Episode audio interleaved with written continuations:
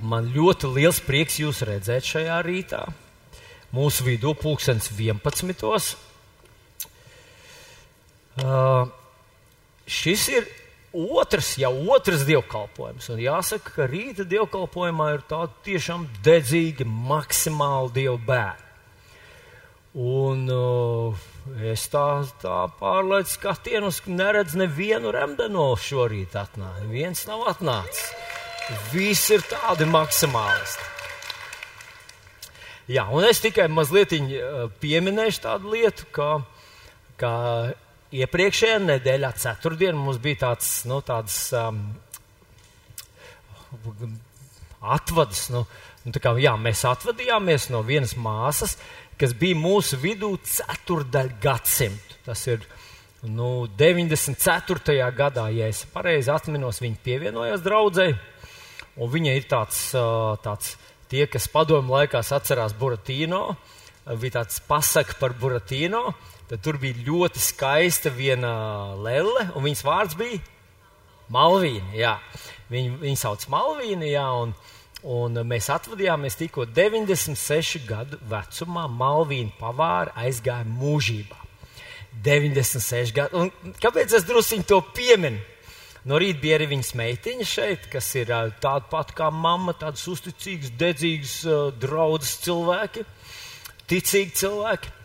Bet es, man liekas, ka pieminēšanas vērts šis gadījums, ziniet, kāda iemesla dēļ. Ka tad, kad Malvīna piedzima, tad tā vecmāte, kas tur bijusi klāta, ir teikusi tā, ka, nu, nu laikam jau, nu, neko jau nevar darīt, bet laikam nebija vērts tam, jo cilvēks ar tādu veselību, ar tādām uh, nu, slimības, tām vis visādām kaut kādām lietām ilgi nedzīvos un neko lielu savā dzīvē neizdarīs.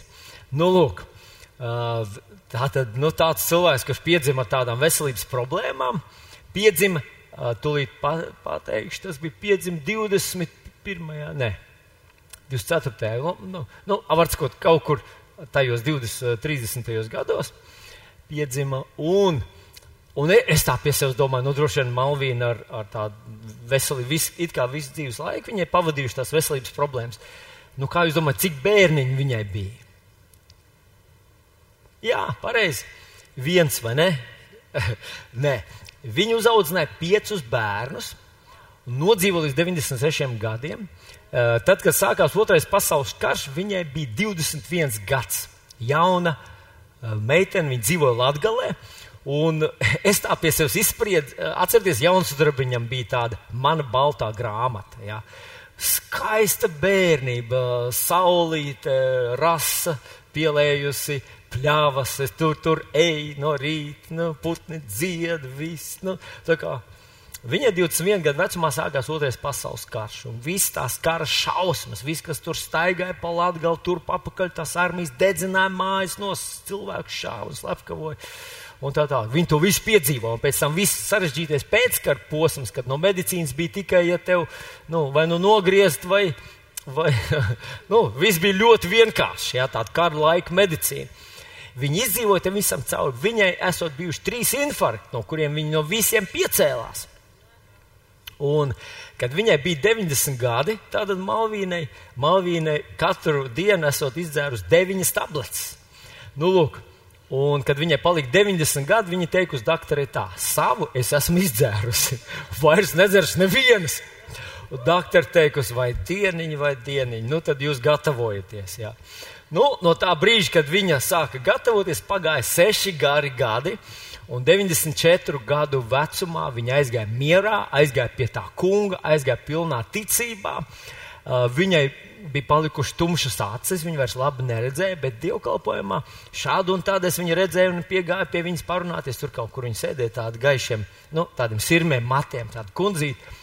Un nu viņa ir mājās, un viņa apkārt bija uh, viņas desmit mazbērnu, 15 mazmazbērnu, kuriem, nu, kā, kā viņas meitiņa teica, ar mammu bija tā, ar ko arī tu neiesāki runāt, beig, beigās nonāca pie kā. pie paša svarīgākā. Dievs! Viņa visiem saviem, viņa bija tāds liecinieks un pravietis savā mājā. un līdz pēdējai dienai. Nu, un es viņiem visiem tur pie tātad atvadās tajās, neatvadās, kā būtu pareizi jāsaka. Ko? Izvadīšanā, jā. jā. Es viņiem pateicu, vecā mamma par jums visiem lūdzu. Jā. Tā kā, nu, atcerieties, ka Dievs tas kungs jūs mīl un viņš, viņš, viņam ir plāns jūs dzīvē. Tā kā tas bija tāds ļoti, ļoti patīkams, patīkams tāds, uh, brīdis uh, pavadīt vienu ticības sievu uh, no, no ticības skatīšanām. Nu, tagad man jāpastāsta viens tāds maz, maz ilustrācija, kuras man neizdevās iepriekšējā dievkalpojumā izstāstīt. Pēc dievkalpojuma pienāca viens brālis, teica, tu solīji, ka tu izstāstīsi, un tu neizstāstīji. Un to vienmēr ir jāizdara. Nu, tagad es stāstu. Sirms kungs, tāds pavisam sirms jau gados vīrs, brauc ar Lamborghini. Visas braukšu ar Lamborghini. Jā. Nu, tas tā kā žiguls tikai cietāk tie sēdi, tad ķiseni lielākajā jums zem dibena. Nu, lūk, brauc ar Lamborghini. Pēkšņi viņš ieraudzīja savā spogulī, tikai aizmugurē policija. Viņam aiz muguras un, un tās bāku guns deg.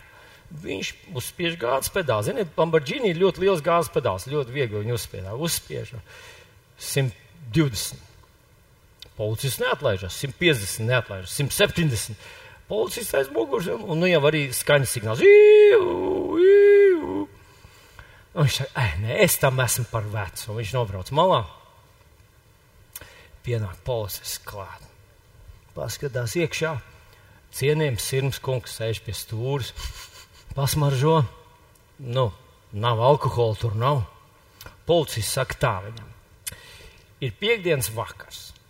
Man palicis strādāt desmit minūtes. Rīt es ar ģimeni dodos piknikā uz vairākām dienām. Man ir ļoti labs garstāvoklis. Zini, ko, ja tu man pateiksi kādu labu iemeslu, kāpēc tu gribēji no manis aizbēgt, es tev palaidīšu. Bet tam iemeslam jābūt tiešām labam. Sirmais vīrs tā paskatās un viņa saka, tas stāsts sākās sen atpakaļ. Jaunībā no manis aizbēga mana sieva, aizbēga kopā ar policistu. Kad es spogulī ieraudzīju tavus bākuguns, es domāju, ka jūs vedat viņu atpakaļ.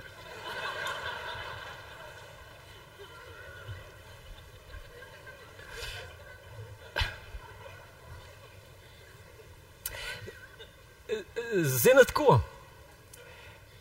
Šo te parasti stāstu visos ģimenes semināros, šos ilustrāciju. Un par ko? Un tas ir par to, ka, ja tu esi atradis savu dzīves draugu, tad nepamet viņu. Esi tāds maksimālists savā laulības lietās. Ja tu esi atradis savu dzīves draugu, paliec ar viņu kopā, izcīniet kopā cīņas, paliekat kopā, aiziet līdz galam kopā. Jo tas nav risinājums uh, meklēt, skriet kaut kur pasaulē, laimi meklēt.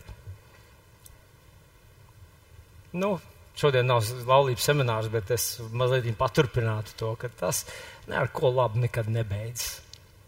Un policists viņam saka, vai jums ir skaists vakars šodien, lūdzu, jūs tiesības. Sirmais vīrs aizbrauca ar Lamborghini.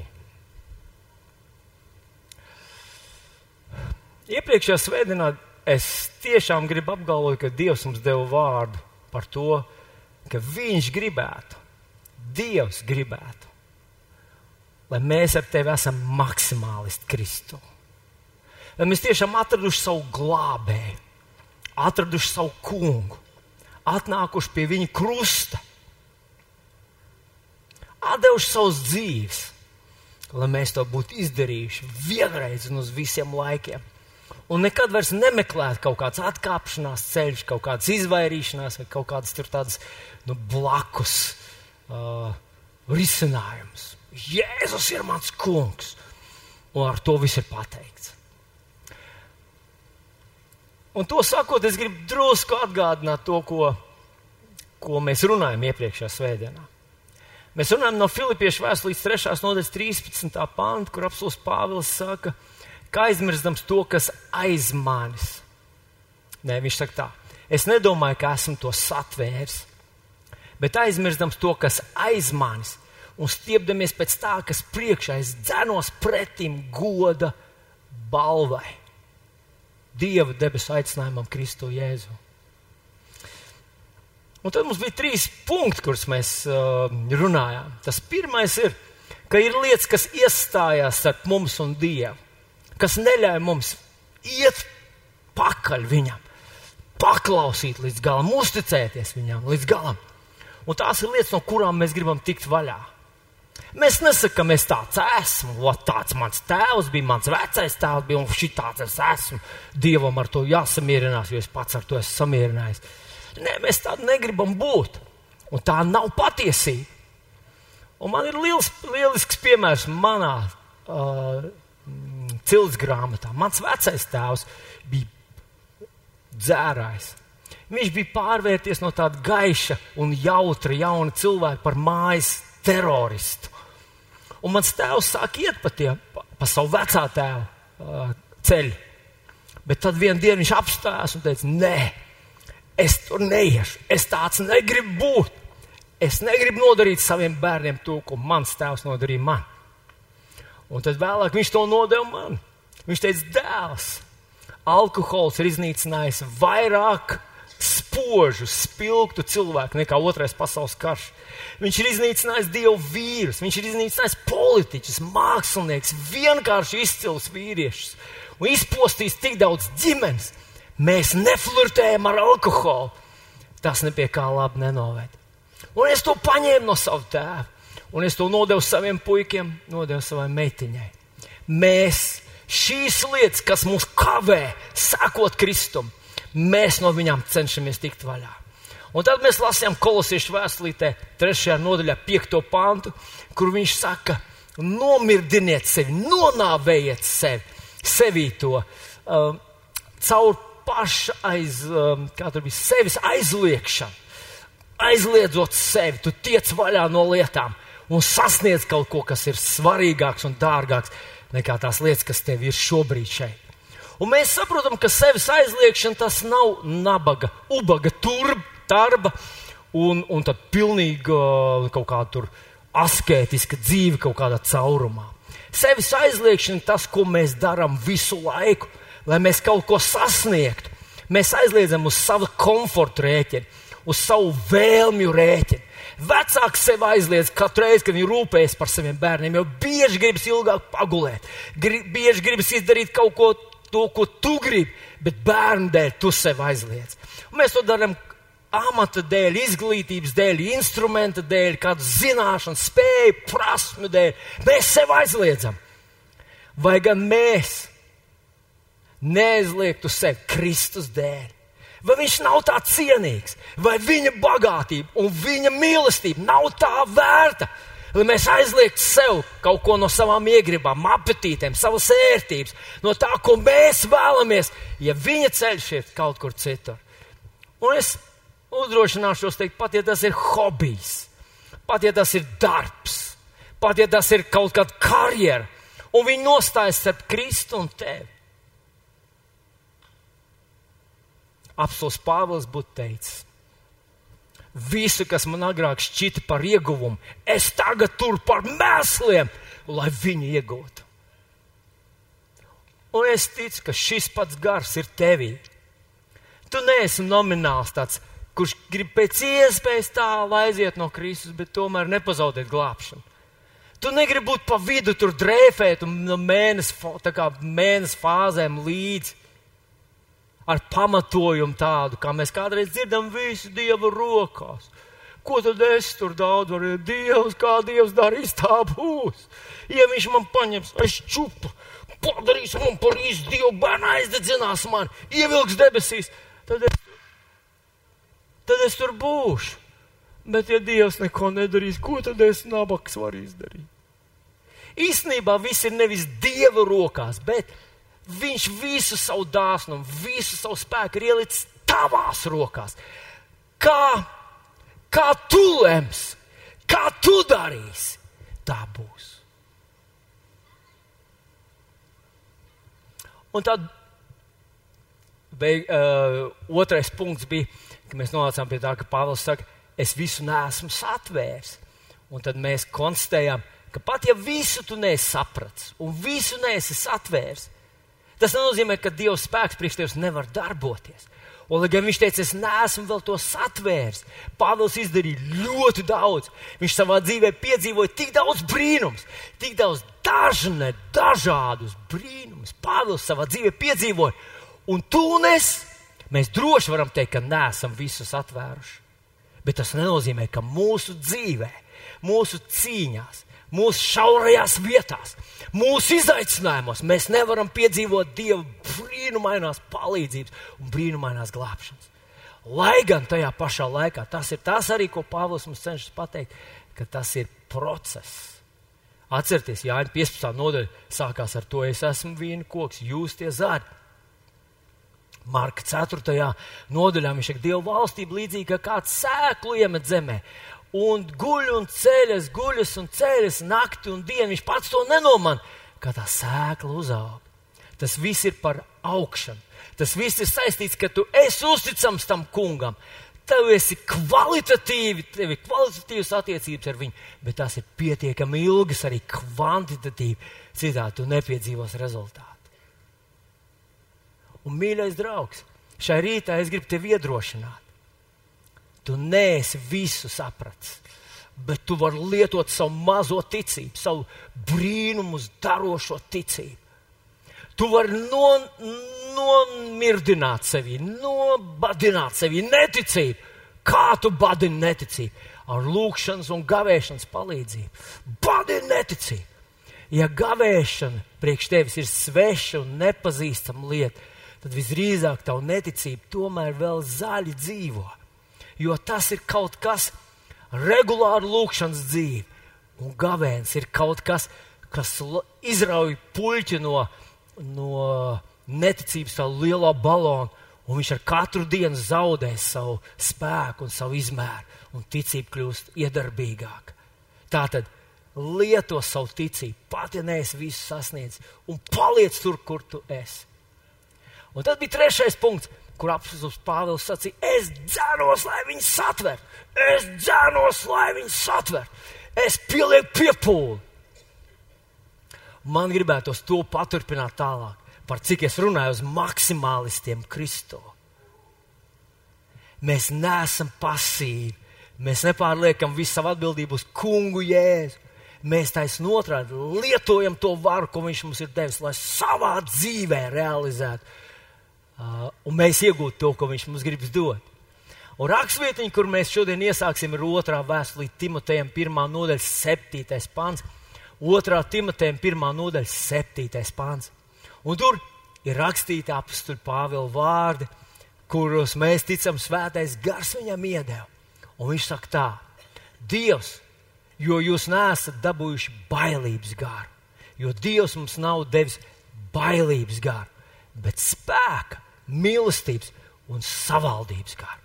Spēka, mīlestības un savaldības garu. Bailības gars ir vergiem. Romiešiem 8,15 viņš saka, jo jūs neesat dabūjuši verdzības garu, lai atkal kristu bailēs.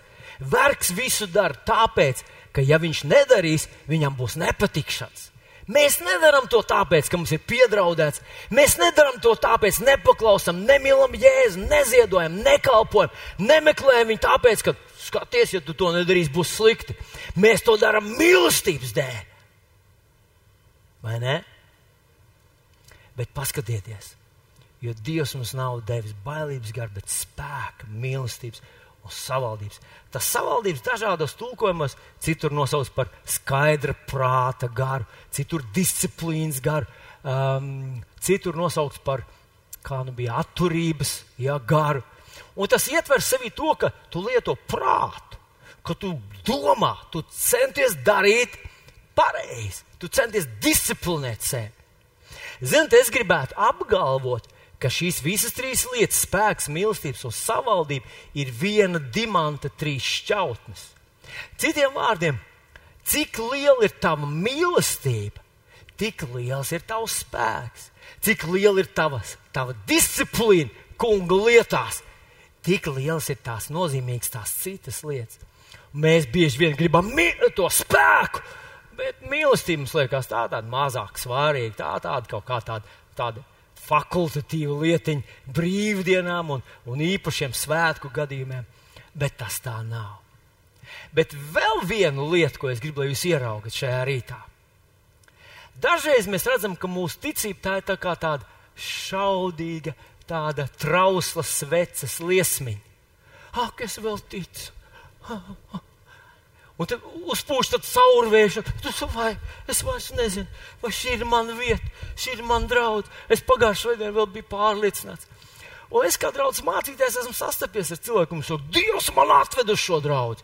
Mēnesi vēlāk viņš vairs nav pārliecināts. Bet paklausieties tālāk, ir vēl trakāk. Dievs man deva šo dzīves draugu. Pēc pusgada viņš vairs nezina, vai tas bija Dievs vai Vēlns, vai pats ņēma, vai, vai viņa mani aprecināja. Jā, jā. Un tas ir tas, ko viņš šeit cenšas pateikt. Ka Dieva lietas nav kaut kas tāds šaubīgs, tu nezini, vai, vai es varēšu, es vēl šodien ticu, e, vai tu būsi nākošais, es nevaru zināt, e, es nezinu, te man, manī kaut kas notiek. Hei, es esmu saimnieks par savu dārziņu. Tu atceries, ka tev taču jāvalda, viņš deva mums varu valdīt pār zemi, un tie ir trīs spaiņi zemes, kas ir tevī. Nu, dažam te ir četri spaiņi, bet pēc būtības nekas vairāk tur nav kā trīs spaiņi zemes. Ja tu nevari par tiem valdīt, ko tu, tu skaties uz pļavām un nekustamiem īpašumiem? Valdi pār sevi! Tava ticība Dievam ir kaut kas stiprs, tas ir kaut kas varans, ir kaut kas, kur tu pielieto spēku, kaut kas, ko tu dari ar kaisli, kaut kas, ko tu dari ar prātu arī.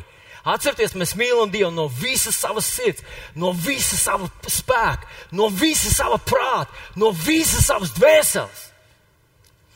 Un atļaujieties, lūdzu, atvainošanos, ja kādam liksies tas pārāk prasts, tas mans nu, nākošais tāds tāds, nu, varbūt veids, kā pateikt. Bet man pašam liekas, ka, ka vismaz daļa auditorijas man sapratīs labāk, ja es pateikšu to tādā veidā. Nu, kā tad? Ziniet, ar puišiem ir tāds izteiciens, nevajag čurāt pret vēju, jo nekas labs no tā nevar sanākt. Un, un tur dažādas visādas fizikas likumi darbojas, fizikas un tā tālāk. Un tā doma ir tāda, ka tad, kad tu redz liela sabiedrības daļa ir par kaut ko ļoti kategoriski noskaņot, tad tu kādreiz vienkārši gribi paklusēt. Nav jēgas tērēt vārdus un enerģiju, jo viss ir, visiem viss ir skaidrs, vai ne? Bet ir viena tēma, kurā tu droši čurā visiem vējiem un vētrām virsū. Un tas ir tad, kad runa ir par Jēzu Kristu. Varbūt tu pēc dabas tāds bikls, un varbūt tev nepatīk tāda nu, konfrontācija, un tu tā nemīli izcelties. Bet, kad runa ir par Jēzu Kristu, par to, kas viņš ir, ko viņš var, ko viņš nozīmē tavā dzīvē, un, un kas notiks nākotnē, tev jā, jāizpaceļ savs krūts, jāiztaisno savu plecu un jāčurā pret vēju Jēzus vārdā. Tas nozīmē, jāsaka droši savu viedokli. Nu, puiši man saprat, ma, māsām varbūt tas drusku drū, grūtāk ir, bet tas ir kaut kas, kur Dievs devis spēku, mīlestību un disciplīnu. Kas jādara? Tas ir jādara. Ir kaut kādas sarkanās līnijas, kur mēs neatkāpjamies, nedomājam, nevērtējam. Mēs zinām, kas ir patiesība. Un tās ir jautājumi, kas skar tavu glābēju, tavu kungu, tavu pestītāju, Jēzu Kristu, kurš ir kungs pār visiem kungiem. Viņam ir vārds pār visiem vārdiem. No viņa viss ir sācies. Un beig, beigās visi ceļi locīsies viņa priekšā. Un visas mēlis apliecinās, ka Jēzus Kristus ir kungs. Halleluja! Paldies jums! Nu, citiem vārdiem, šis, manuprāt, šis pāns saka tā, ja tu esi izlēms uzticēties Jēzum, nu tad uzticies. Ja tu esi izlēms sekot Jēzum, tad seko. Ja tu tici, nu tad tici. Ja tu uzticies, tad uzticies. Ja tu esi viņa māceklis, tad esi riktīgs, īsts māceklis. Maksimāli Kristu Jēzu. Un ļaujiet man parādīt raksturvietu, kas, manuprāt, ilustrē to, kas notiek, ja mēs esam tādi šaubīgi. Un tā kā Elīja kādā reizē uzrunā Izraēlu, un viņš saka, cik ilgi jūs klibosiet uz abām pusēm. Visi mēs kādreiz esam bijuši reanimācijā vai intensīvās terapijas nodaļā, un esam redzējuši, guļ cilvēks. It kā viņš ir dzīvs, bet viņš neelpo, nerunā, nēd un neko citu nedara. Un, zinot, nav nekā šķiet uh, bēdīgāk, kā viens kristīgs cilvēks, kā viens Kristus māceklis, kas dzīvo tādu, turp un atpakaļ. Tā kā šaubās, bet reizē uh, tic, es ticis Jēzum, un tomēr neko daudz no viņa nesagaidu. Tā kā ir dievbijības cienīgi, bet viņa spēku noliedz. Un tas viņi paši ir vilšies. Viņam liekas, un tā tas ir. Tā tas, tas darbojas. Un tā citiem kādreiz liekas, kad viņi vēro tādu ne īsti šis, ne īsti tas kristietis. Mateja evanģelijā 7. nodaļā, uh, jā, Mateja 23. nodaļā ir no 37. panta, ir tā rakstvietiņa, kur mēs lieliski redzam šo ilustrāciju, kur Jēzus mums skaidro. Tātad, kā tad tas notiek vai kā tas darbojas? Es lasu Mateja 23, 37. Jeruzalem, Jeruzalem. Tu kas nokauj praviešus un nomētā ar akmeņiem tos, kas pie tevis sūtīti. Cik reizes es gribēju sapulcināt ap sevi tavus bērnus, kā vista sapulcina savus cālīšus apakš saviem spārniem, bet jūs negribējāt. Redzi, jūsu nams tiks jums atstāts postā. Jo es jums saku, jūs mani no šī laika neredzēsiet, tiekams jūs sacīsiet slavēts, kas nāk tā kunga vārdā. Apstāsimies mazliet pie šīs rakstvietiņas. Tad vispirms Jeruzalem. Tā ir dzīvā dieva pilsēta. Tā ir lielā ķēniņa pilsēta. Tā ir vieta, kur dieva darbi bija notikuši. Tā ir vieta, pilsēta, kur dievs sev pats ir izredzējis, lai viņam vārds tur mājot. Tā ir vieta, kuru Dāvids uzcēla. Tā ir vieta, kur Dieva tronis, Dieva šķirsts atradās. Un Jēzus uzrunāja Jeruzalemi. Saka, Jeruzalem, Jeruzalem, cik reizes es gribēju jūs uzcelt, svētīt un pasargāt. Es gribēju jūs uzcelt, svētīt un pasargāt. Bet jūs negribējāt. Es pavisam droši gribu pateikt šodien, ka Dieva griba par tevi ir tevi uzcelt, tevi svētīt un tevi pasargāt. Jā, šajā pasaulē ir bēdas, un arī tu ik pa laikam saskaries ar realitāti, ka šī pasaule ir nedraudzīga vieta, ka šajā pasaulē ir daudz ienaidnieku un daudz ieroču pret tevi. Bet viņš teica, es gribu tevi uzcelt, tevi pasargāt un tevi svētīt. Tas lielais jautājums ir, vai tu sadarbojies ar mani, bet jūs to negribējāt. Un nākošais teikums, viņš, ko viņš saka, jūsu nams tiks jums atstāts postā. Nepilnus 40 gadus vēlāk, kad ebreja tauta, un tas ir mēs lasām to nu, konkrēti, ir bija vēlāk, īpaši pēc vasaras svētku dienas, kad cilvēki pieņēma, ebreji cilvēki, tūkstoši pieņēma mesiju par savu kungu, bet tomēr Jānis raksta, apelsīns Jānis pirmajā nodaļā raksta, raksta, ka viņš nāca pie saviem un tie viņu neuzņēma. Viņš, es ticu, ka tas ir tas, ko mums šī raksturvieta saka. Ja ebreji būtu uzņēmuši mesiju, par kuru atnākšanu ne, ar nedēļu precizitāti bija nopravietojis Daniels, 9. nodaļā viņš precīzi viņš saka nedēļas laikus, kad Mēsija atnāks. Un tad viņš saka, viņš nu, viņu nogalinās. Viņi zināja šos pravietojumu vārdus, un tomēr nepieņēma Mēsiju. Ja viņi būtu pieņēmuši, viņš būtu viņus sapulcinājis, pasargājis un svētījis. Bet notika pilnīgi pretējais, radikāli pretējais jūsu nams tiks jums atstāts postā. Un kas ir interesanti, ka tajā laikā bija tas dieva nams bija. Uh, to bija uzcēlis Hērods. Tas bija, nu, tas esot bijis, nu, tāds mākslas un bagātības, tāds pilns tas nams, dieva nams, runāja par dieva namu. Nu, lūk, un kad romieši atnāca, Titus bija Titus ģenerālis, atnāca, uh, viņš gribēja iekarot Jeruzalem. Jeruzalem bija sadumpojusies pirms tam, un viņš iekaroja Jeruzalem. Bet viņš negribēja iznīcināt dievu namu, nojaukt to. Viņš to negribēja darīt. Tur bija milzīgs bagātības, tur bija zelta tik daudz, tas bija skaists. Bet netīšā veidā bija sācies ugunsgrēks tajā, un tas ugunsgrēks izplatījās par to dievu namu ar tādu intensitāti, ka tur neko nevarēja darīt. Un interesanti, ka visu to zeltu, kas bija tur, jumts bija apzeltīts, tur bija iekšā ļoti daudz zelta. Tas zelts tajās liesmās kusa un tecēja un satecēties akmeņu spraugās. Un interesanti, ka Jēzus runājot par to dievu nāmu, atcerieties, viņam piegāja mācekļi un teica, paskaties, kādu akmeņu, kādas ēkas. Jēzus teica, akmens uz akmens nepaliks. Titus negribēja to nojaukt, bet, bet uh, tad, kad tas zelts satecēja tajās akmeņu starpās, tad romiešu karavīri, kas bija algotņi, bija atnākuši šeit, šajā kargājienā, ar domu atvest mājās bagātīgu laupījumu. Viņi gribēja to zeltu atvest mājās savām ģimenēm un viņi atplēs. Burtiski neviens akmens nepalika kopā. Viņi atplēs viņus vaļā, lai dabūtu to zeltu ārā, kas saticējis bija starp tiem akmeņiem. Piepildījās viens pret vienu jēzus pravietojumu.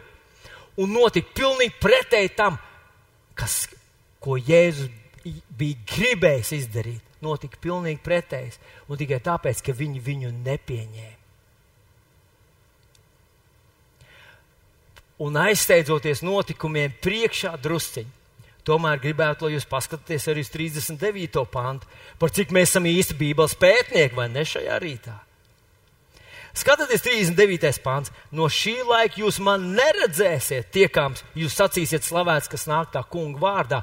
Un te viņš runā par Izraēlu tautu, kad Izraēla tauta visa kopumā atzīs savu mesiju, Jēzu, Jēzu, ko mēs saucam Latvijas, kad viņi atzīs Un mēs zinām, ka tas notiks lielo bēdu pašā kulminācijā. Vislielāko bēdu pašā kulminācijā.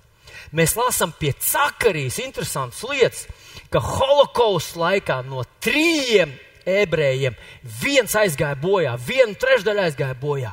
Cakarija saka, ka tajās bēdās, kas būs priekšā, divas trešdaļas aizies bojā, no trījiem divi aizies bojā, visā tajā uguns asins pirtī, kas vēl stāv priekšā. Un tad viņa tauta sauks uz debesīm un atzīs savu mesiju. Tas notiks nākotnē.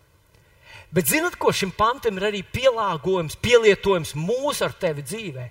Un tas ir interesanti, ka viņš saka, jūs redzēsiet mani tad, kad jūs sāksiet man slavēt un godināt.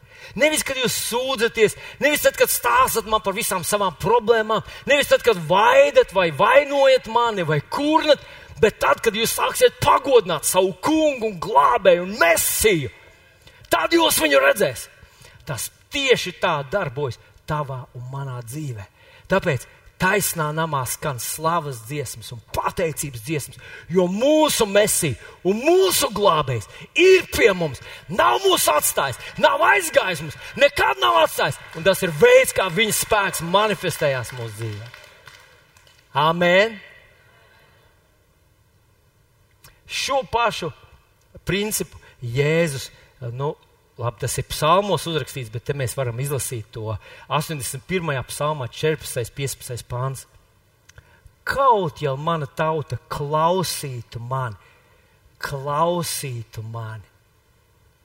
Kaut jau mana tauta klausītu mani.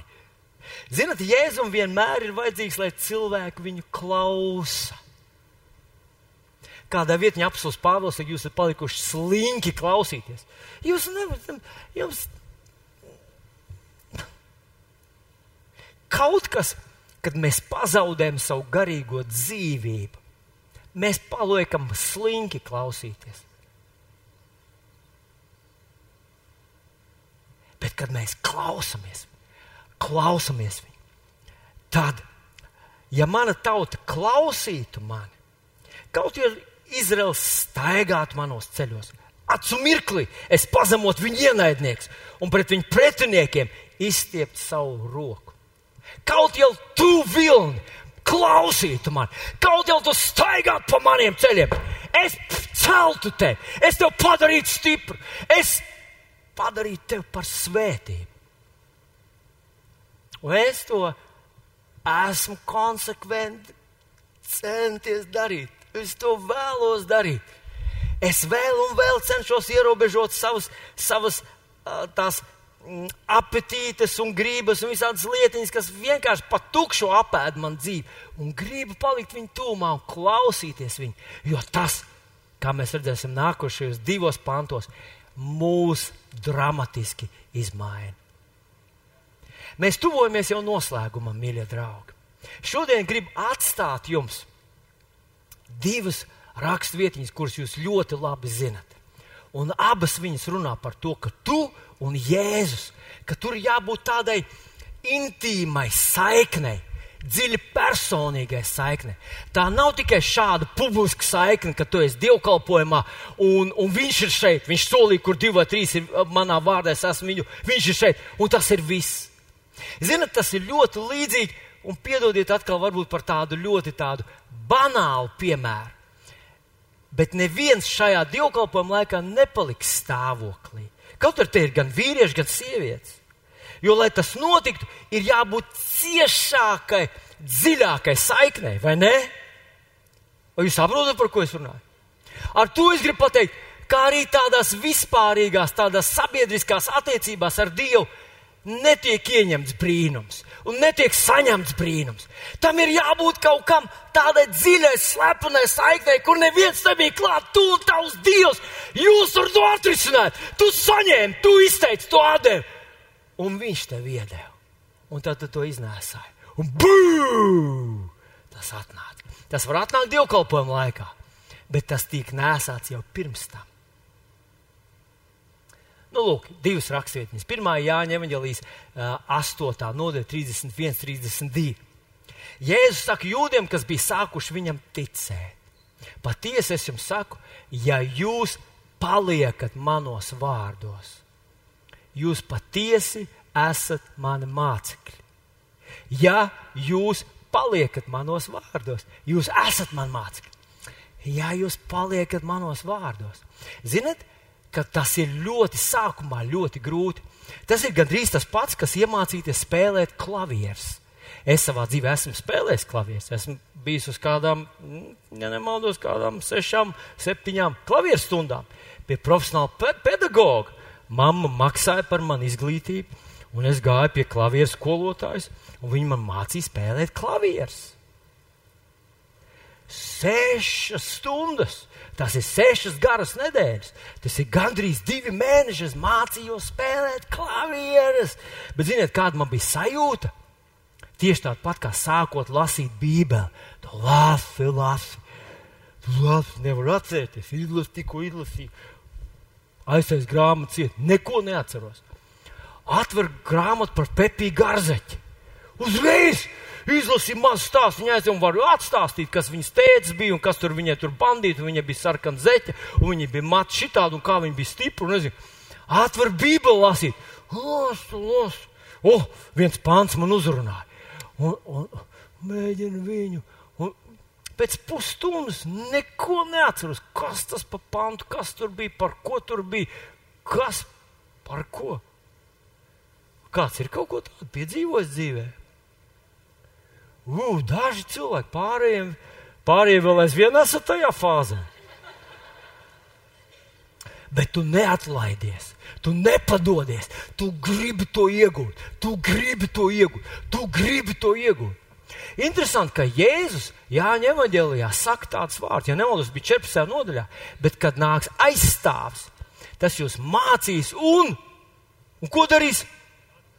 Atgādinās. Kā viņš var atgādināt to, ko es nekad neesmu zinājis? Mums bija kādreiz mācījos skolā, mums bija skolotāji, un kad tu iznāc priekšā un teici, o, es esmu uztraucies, esmu aizmirsis dzējoli, viņi teica, tu nezināji to dzējoli un vēl aizmirsi.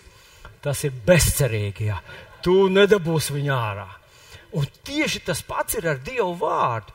Ja tu to nezināji, svētiem garam nav ko tev atgādināt. Bet redzi, ka tev jau ir viņš tāds, tev jau ir tāds bagāžs. Es esmu pamanījis pats, ka svētais gars paņem kādu pantu un tev to atgādina. Un tu paņem, un tu meditē par viņu, tu domā par viņu, un viņš paud nākošo pantu, un tev nav, un tev atverās tie vārdi. Un zini ko? Bībelē ir teikts, ka tavs vārds atverās, tas vientiesīgo gā, dara gudru. Un es jums teikšu, viena no lielākām baudām šajā pasaulē ir nevis ēšana, viena no lielākām baudām ir uzzināt kaut ko jaunu, zināšanas, jaunas zināšanas. Un tas ir tas, ko Dieva vārds tev nodrošinās vienā dienā. Tu vari būt cilvēks, kuram atveras vārds, un tu vienkārši vienā dienā stāv un saki, wow! Es visu mūžu zināju to pantu, un tagad sapratu, par ko viņš ir. Wow!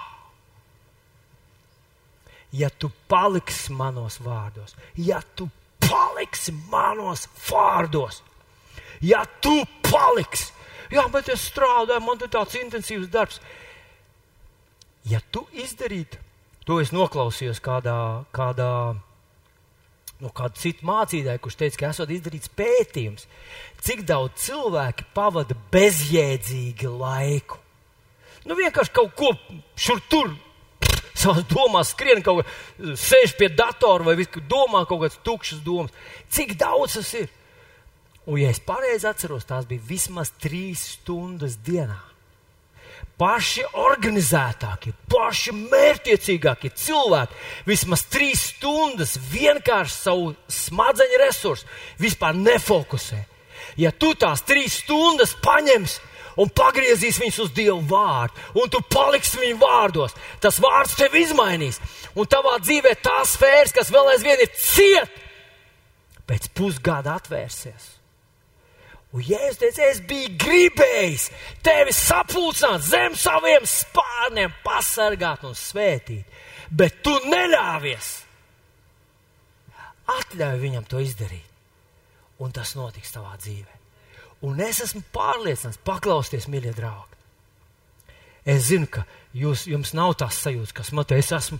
Es jau otro reizi stāstu to, un es ticu tam. Es ticu, ka mēs varam piedzīvot tādus vis visādus brīnumus, vis visādus brīnumus. Un viņi atnāk tikpat parasti, kā sagadīšanās, kā kaut kāds parastas lietiņas. Ziniet, trešdien mums bija viena liecība no vienas ģimenes. Es gan nevaru uzreiz jūt uh, zāli, jūs tā kā mazliet tumšāk priekš manis, un es nevaru saskatīt, vai tā ģimenīte ir šeit bet ļoti jauka ģimenīte, vīrs un sieva ar visu ģimeni. Viņi nāk šeit, viņi ir ilgi jau šeit, viņi ir tādi uzticami, īsti dievu bērni. Un vienā dienā viņi pienāca pie manis un viņi stāsta tā. Sakarā ar visu šo covid situāciju mums ļoti samazinājās, dramatiski samazinājās darbi. Un samazinājās tik ļoti, ka mēs vairs nevaram atļauties savas ikdienas lietas mūsu bērniem ir izlaidumi, un tagad uz izlaidumu visi grib svinēt, visi grib kaut ko jaunu uzvilkt. Un kā mēs varam pateikt bērniem, ka mums nav vēlāk kaut kad? Un, un uh, viņi abi divi saka, mēs gribētu, ka mēs pielūgtu kopā Dievu, lai Dievs dod mums, jo viņam noteikti ir risinājums. Un es bez šaubām, bez šaubām. Un es gribētu, es vienmēr gribētu, ka tu nāc pie manis. Es nāc vienkārši, nu, Nu, nezinu, ko lai dara. Nu, vēl pateiks, lai vilnis ar aizlūdz, ka tu nāc pie manis. Es gribu pievienoties ar visu savu ticību. Man ticība vēl nav pilnīga, bet es gribu to iesaistīt visu. Un kad mēs tur kopīgi pārunājām, mazliet, es teicu, ziniet ko? Lūksim Dievu, saistīsim to, to neauglīgo vēju atraisīsim Dievu spēku, lai atverās tās durvis, kas Dievam priekš jums noteikti ir. Ja vienas durvis aizvērās, Jā, šī bija īstā vieta. Dod Dievam aplausu. Ja vienas durvis aizvērās, Dievam ir vēl viens, tās būs lielāks un plašāks. Mēs pielūdzam Dievu. Un ar to viss nebeidzās. Viņi tur paši sāka, un, un, un tā sieviņa lienīte saka. Un tā es iedomājos, ka mēs varētu, mēs varētu piedalīties kaut kādos konkursos, viņiem maz ģimenes uzņēmums. Mēs varētu piedalīties arī lielajos konkursos.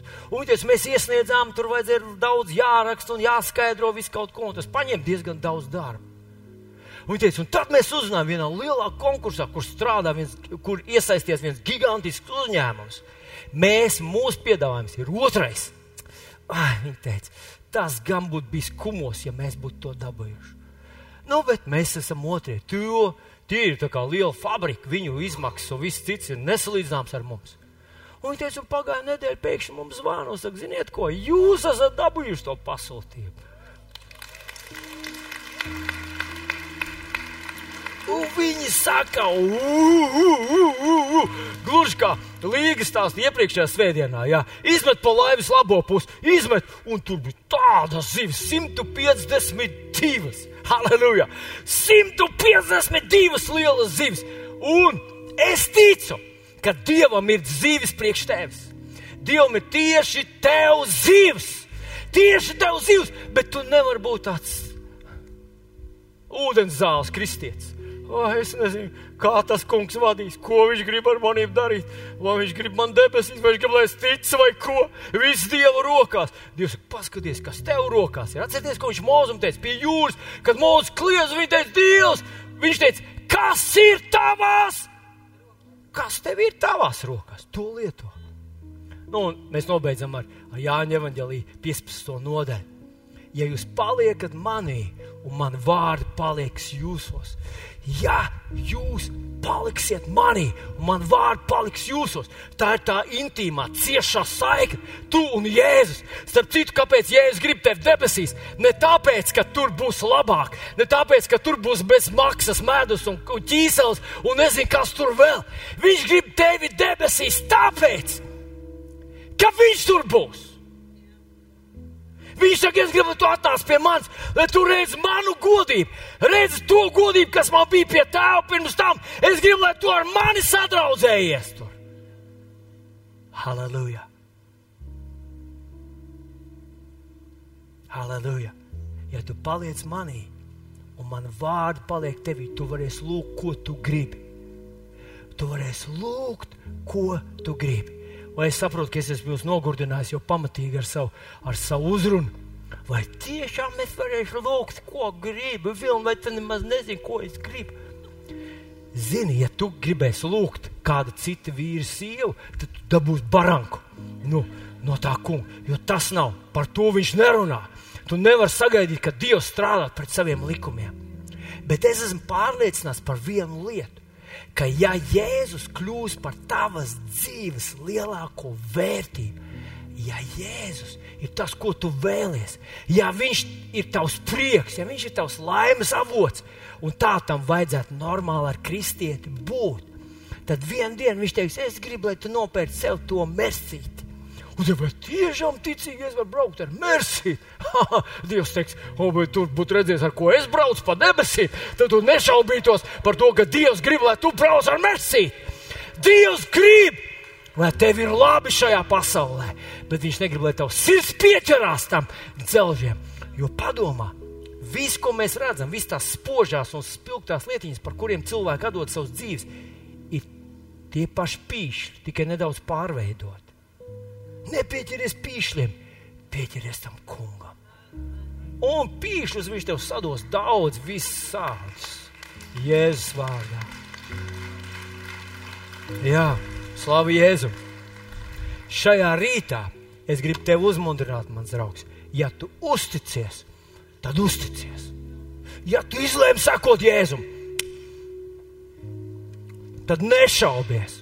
Neskaties apakaļ. Atcerieties, viņš teica, tāds Dieva valstībā, kurš pieķerās pie ārka un skatās atpakaļ, nedara.